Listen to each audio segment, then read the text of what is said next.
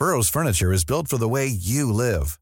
From ensuring easy assembly and disassembly to honoring highly requested new colors for their award-winning seating, they always have their customers in mind. Their modular seating is made out of durable materials to last and grow with you.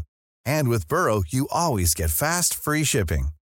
Get up to 60% off during Burrow's Memorial Day sale at burrow.com slash ACAST. That's burrow.com slash ACAST. burrow.com slash ACAST.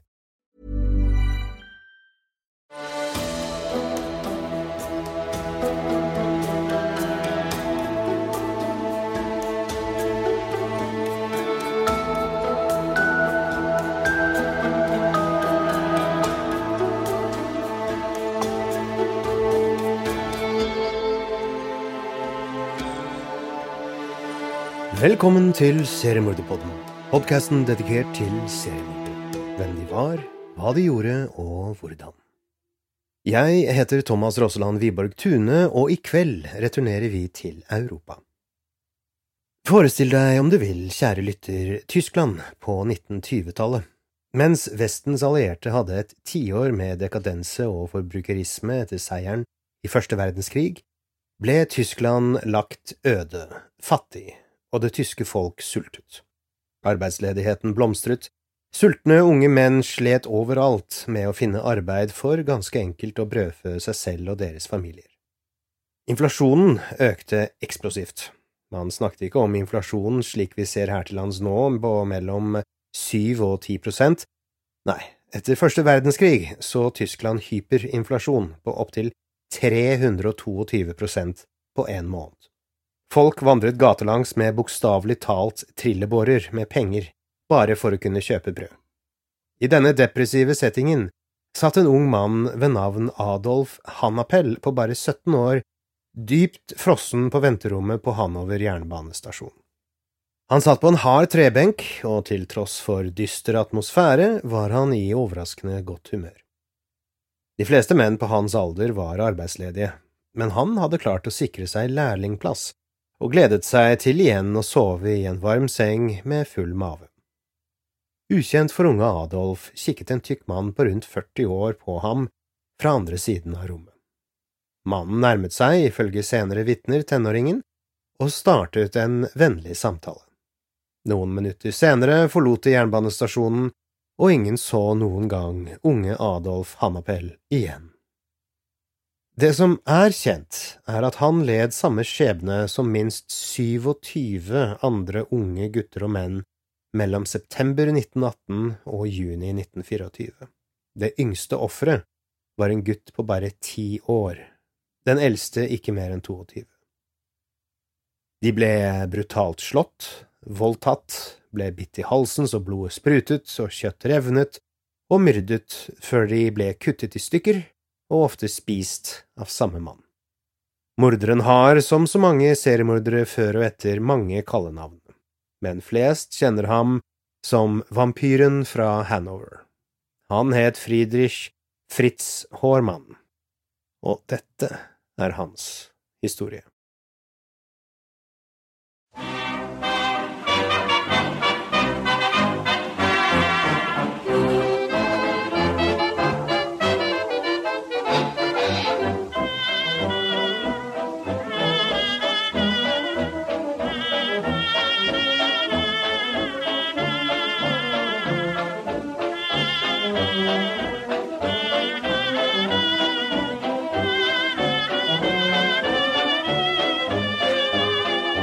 Friedrich Heinrich Karl Hormann ble født som den yngste av seks barn den 25. oktober 1879.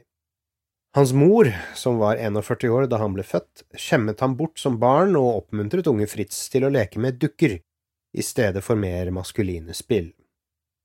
Det som kanskje ville være mest avgjørende i synet til psykologer, var at Fritz mislikte sin far sterkt fra en tidlig alder og skulle fortsette med denne avskyen hele livet. Foreldrene var virkelig et dårlig sammensatt par. Gamle Hårmann var en sur og gretten fyrbøter på lokomotiv som var å finne om natten mens han ramlet rundt i de lurvete barene i gamlebyen.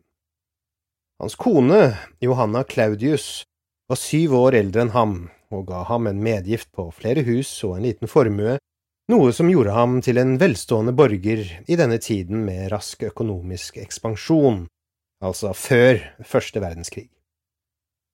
Johanna var en enfoldig, litt mindre intelligent kvinne, og klarte å ignorere ektemannens kontinuerlige drukkenskap og kvinneforbruk.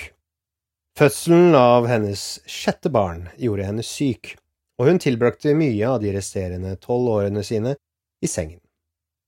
Når det gjelder Hårmanns søsken, ble den eldste sønnen Alfred, en fabrikkformann i lavere middelklasse med gode, sunne familieverdier.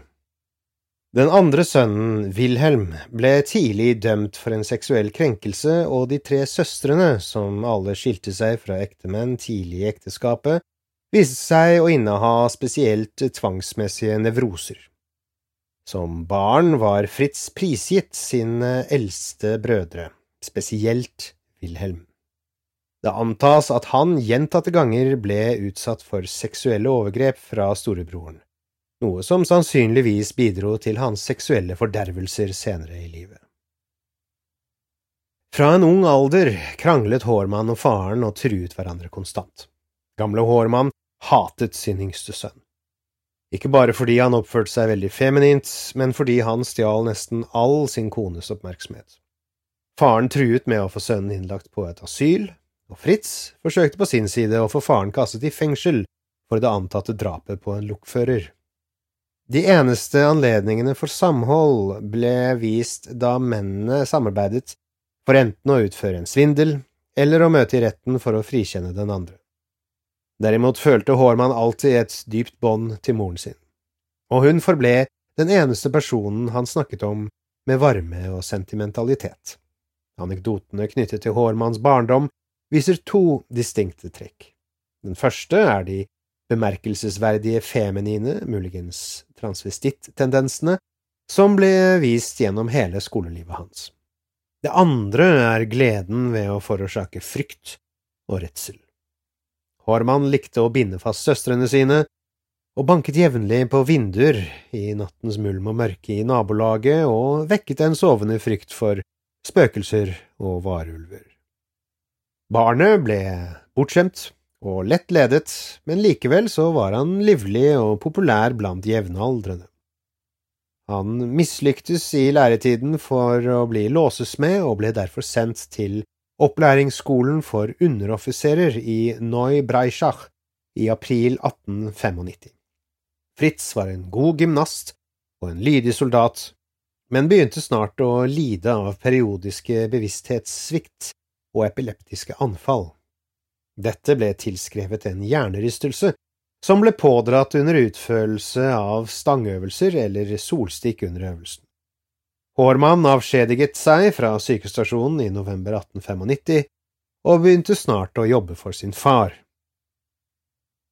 Mens Hårmanns latskap og ineffektivitet fortsatte, gikk hans seksuelle utvikling raskt. Han utførte seksuelle overgrep mot barn nesten hver dag og det tok ikke lang tid før anklagene om overgrep begynte å øke i omfang. Til slutt, og uunngåelig, ble han ansatt som uhelbredelig forstyrret av bylegen og sendt til et asyl kort tid etter sin 18-årsdag. Det var her den unge mannen led en form for traume som skulle påvirke ham resten av livet, og hans intense frykt for asylet førte til at han senere sa, Heng meg, gjør hva du vil mot meg, men ikke ta meg tilbake til asylet. Mangelfull sikkerhet tillot imidlertid Hårmann å rømme, og han flyktet til Sveits. I en alder av bare 20 år vendte han tilbake til Hanover, og rundt år 1900 oppnådde han en seksuelt normal periode da han forførte og giftet seg med en pen jente ved navn Erna Lovert. Forlovelsen hadde velsignelsene fra begge sett av foreldre, som inderlig håpet at foreningen ville sette en stopper for den unge forbryterens hensynsløse perversiteter. Dette skulle imidlertid ikke være tilfellet, da Hårmann snart forlot jenta og deres ufødte barn for å dra i militæret. Han passet godt inn i livet i hæren og ble, i likhet med morderen William Burke før ham, en utmerket soldat, som utviste lydighet og esprit de corps. Hormann skulle senere omtale denne tiden som den lykkeligste i sitt liv. Et år gikk uten hendelser før Hormann i oktober 1901 kollapset under en kompaniøvelse og ble innlagt på militærsykehuset i fire måneder.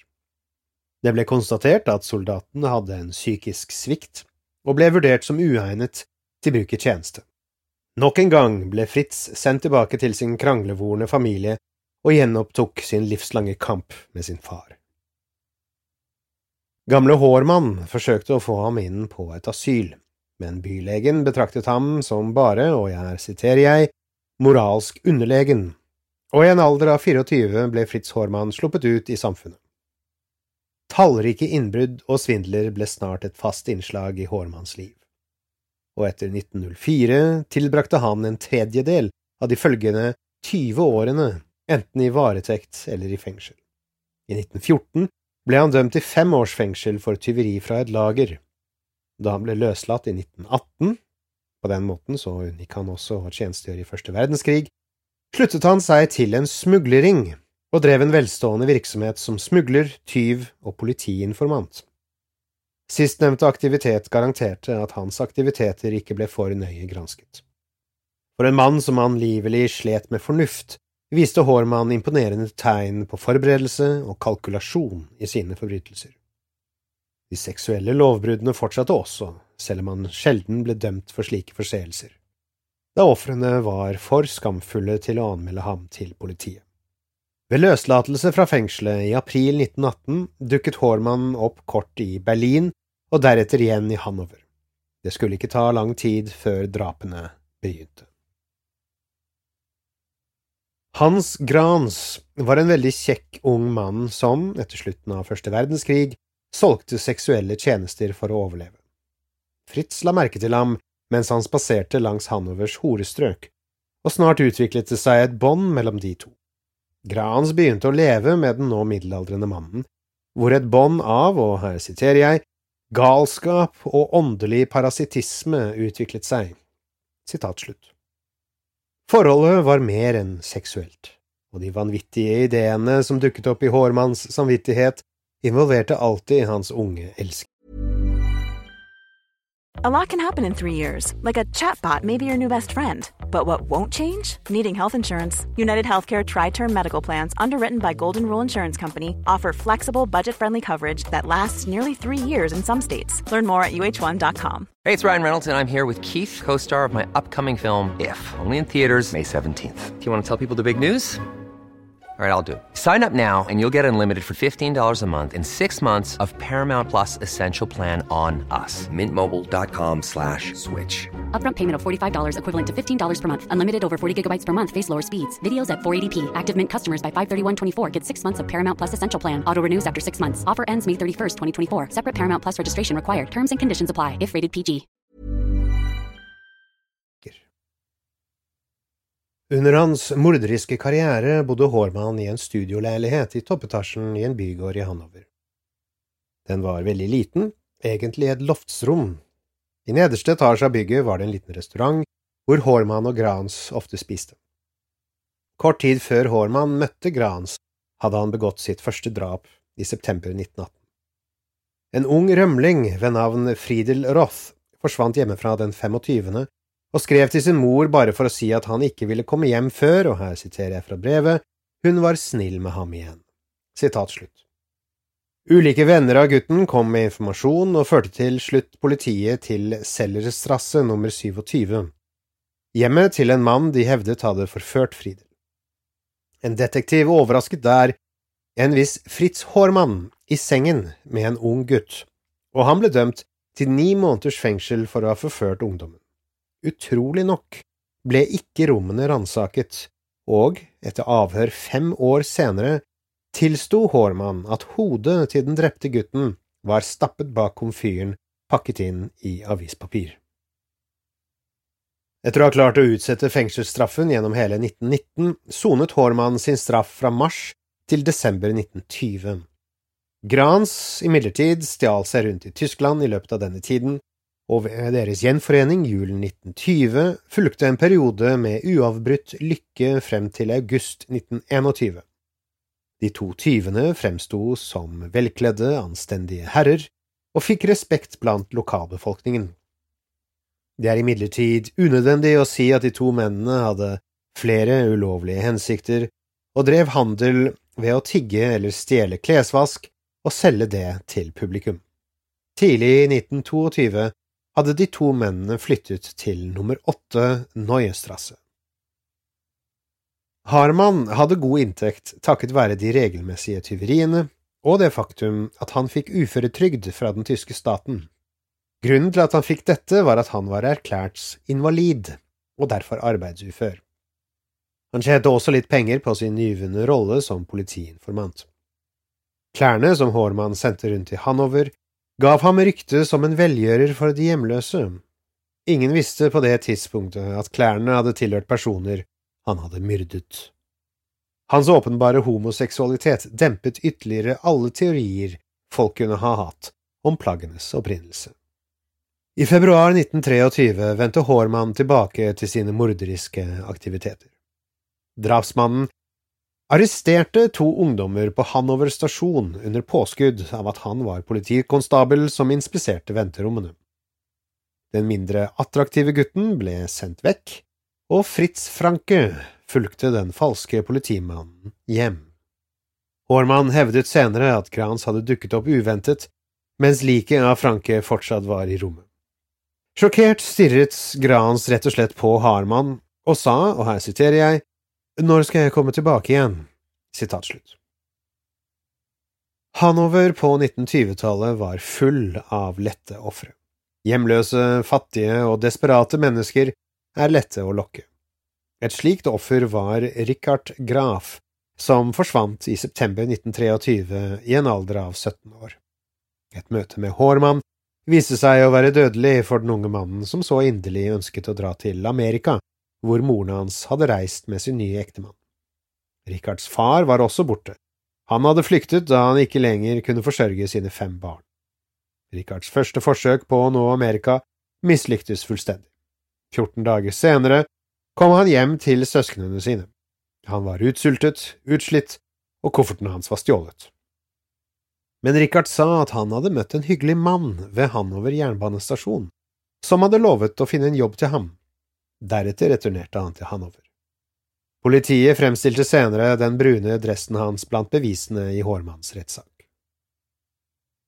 Drapsorgien økte deretter i omfang og i løpet av de påfølgende ni månedene ble ytterligere tolv unge menn tatt livet av.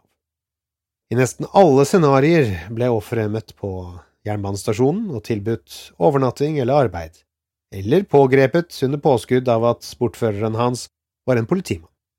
Dette skalkeskjulet ble brukt så ofte at ved en anledning, etter at en ungdomsvernarbeider hadde spurt stasjonsvekteren om Hårmann var ansatt i samme stilling, svarte stasjonstjenestemannen at Hormann var politi.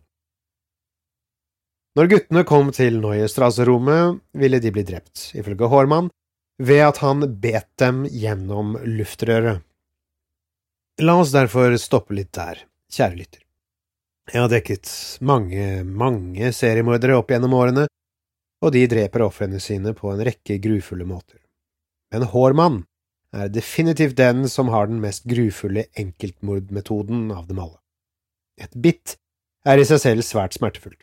Tennene er skjevt plassert og ikke veldig skarpe, så når de river kjøtt, er det mer smertefullt enn om det blir kuttet av en skarp kniv.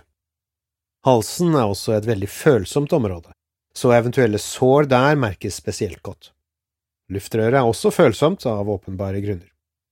Det er en grunn til at det er så veldig ubehagelig, å få et stykke mat i vrangstrupen. Så forestill deg at noen bruker tennene sine og biter forsiden av halsen din så hardt at luftløret blir revet igjennom. Smerten, sjokket og den fullstendige redselen over dette er utenfor fatteevne. Døden ville ikke være rask. Det tar ganske lang tid å dø av mangel på oksygen. Mest sannsynlig døde ofrene til Hårmann som følge av drukning i sitt eget blod. Alltid med tanke på hvordan han kunne tjene mest mulig, ville kroppene da bli partert, og klærne og kjøttet solgt gjennom de vanlige kanalene for smuglervarer. De ubrukelige porsjonene, det vil si tarmer og bein, ble kastet i elven Leine. Et år senere, da gjenstandene som ble konfiskert fra drapsmannen ble utstilt offentlig, oppdaget offerets familier et vell av personlige gjenstander, mange oppbevart som suvenirer, og resten solgt videre gjennom Hormans imponerende distribusjonsnettverk. Drapene fortsatte med uforminsket styrke gjennom begynnelsen av 1924, og Horman finpusset sin bemerkelsesverdige evne til å oppdage desillusjonerte unge gutter og menn på stasjonen, og deretter fjernet han dem inn i nattens mulm og mørke. På grunn av ofrenes natur tok det ofte litt tid før sinte eller fremmedgjorte foreldre og venner rapporterte om forsvinningen. Da hadde klærne og kjøttet til ofrene blitt raskt distribuert rundt i Hanover og var praktisk talt umulig å spore. Uten den slags harde bevis var politiet i en blindvei, selv om det var noen tilfeller der politiet var nære ved å oppdage hva Hårmann drev med. Forsvinningen av Erich de Vries den 14. juni 1924 signaliserte slutten på morderregimet til Hormann. På klassisk vis var det et tilbud om sigaretter på Hanover stasjon som fristet den unge gutten til å bli med den vennlige fremmede på rommet hans. Det ble anslått på dette tidspunktet at vampyren fra Hanover hadde myrdet rundt 27 gutter på mindre enn 16 måneder, et gjennomsnitt på nesten to i måneden. Den 17. mai 1924 fant noen barn som lekte ved kanten av en elv nær Herrenhausen-slottet, en menneskeskalle, og den 29. mai skyllet en annen skalle opp på elvebredden. Byens innbyggere ble rasende den 13. juni da ytterligere to hodeskaller ble funnet i elvens sediment. En obduksjon viste at de to første kraniene tilhørte unge mennesker i alderen 18 til 20 år, og den siste hodeskallen de hadde funnet, var fra en gutt på omtrent 12 år. I alle tilfeller hadde et skarpt instrument blitt brukt for å skille hodeskallene fra overkroppen, og kjøttet var fjernet helt. Man trodde først at de menneskelige levningene stammet fra Det anatomiske instituttet i Göttingen, eller at de var blitt kastet ut i elven av gravrøvere på flukt fra politiet. Likevel forble disse teoriene uprøvde, og mysteriet fikk ytterligere publisitet da gutter som lekte i et sumpete område, avdekket en sekk som inneholdt menneskebein. Det var blitt umulig for myndighetene å holde disse grusomme funnene hemmelige, og mens unge gutter fortsatte å bli meldt savnet, var antallet i 1923 vokst til nesten 600. Hanover-befolkningen var på randen av panikk. Etterforskningen fremhevet at de savnede stort sett var mellom 14 og 18 år, og rykter sirkulerte om at menneskekjøtt hadde vært til salgs på det offentlige markedet. Første pinsedag 1924 forlot hundrevis av mennesker Hanover og gikk ned på de små stiene og broene i gamlebyen hvor de begynte å lete etter menneskelige levninger. Omfanget av denne leteaksjonen var uten sidestykke i tysk kriminalhistorie, og ble først og fremst ansporet av snakket om en varulv, eller vampyr, på frifot i byen. Etter at en mengde bein hadde blitt oppdaget, ble byens sentrale elv Leine oppdemmet og inspisert av politimenn og kommunale arbeidere. Funnene var forferdelige. Mer enn 500 deler av lik ble oppdaget, som senere viste seg å være levninger av minst 22 personer. En tredjedel mellom 15 og 20 år. Omtrent halvparten hadde vært i vann en stund, og leddene til mange av de friske beinene hadde glattkuttede overflater. Til tross for den enorme menneskejakten som var i gang, var drapsmannen fortsatt ikke pågrepet, og Hanover var nærme et offentlig ramaskrik. I slutten av juni 1924 hadde ren frykt grepet byen, og varulven eller vampyren var fortsatt på frifot.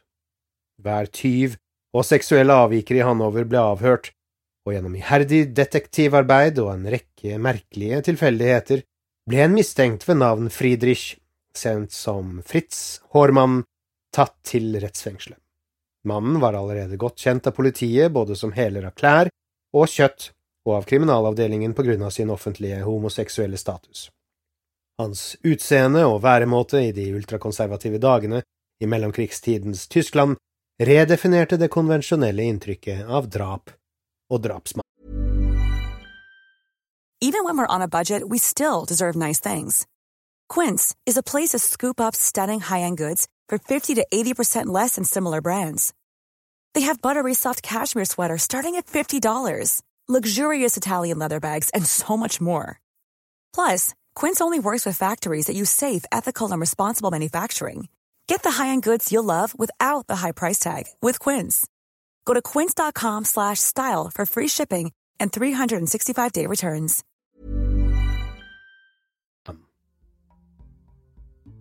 Og med det, kjære lytter, kommer vi til slutten av del én i sagaen om Fritz Hårmann, vampyren fra Hanover.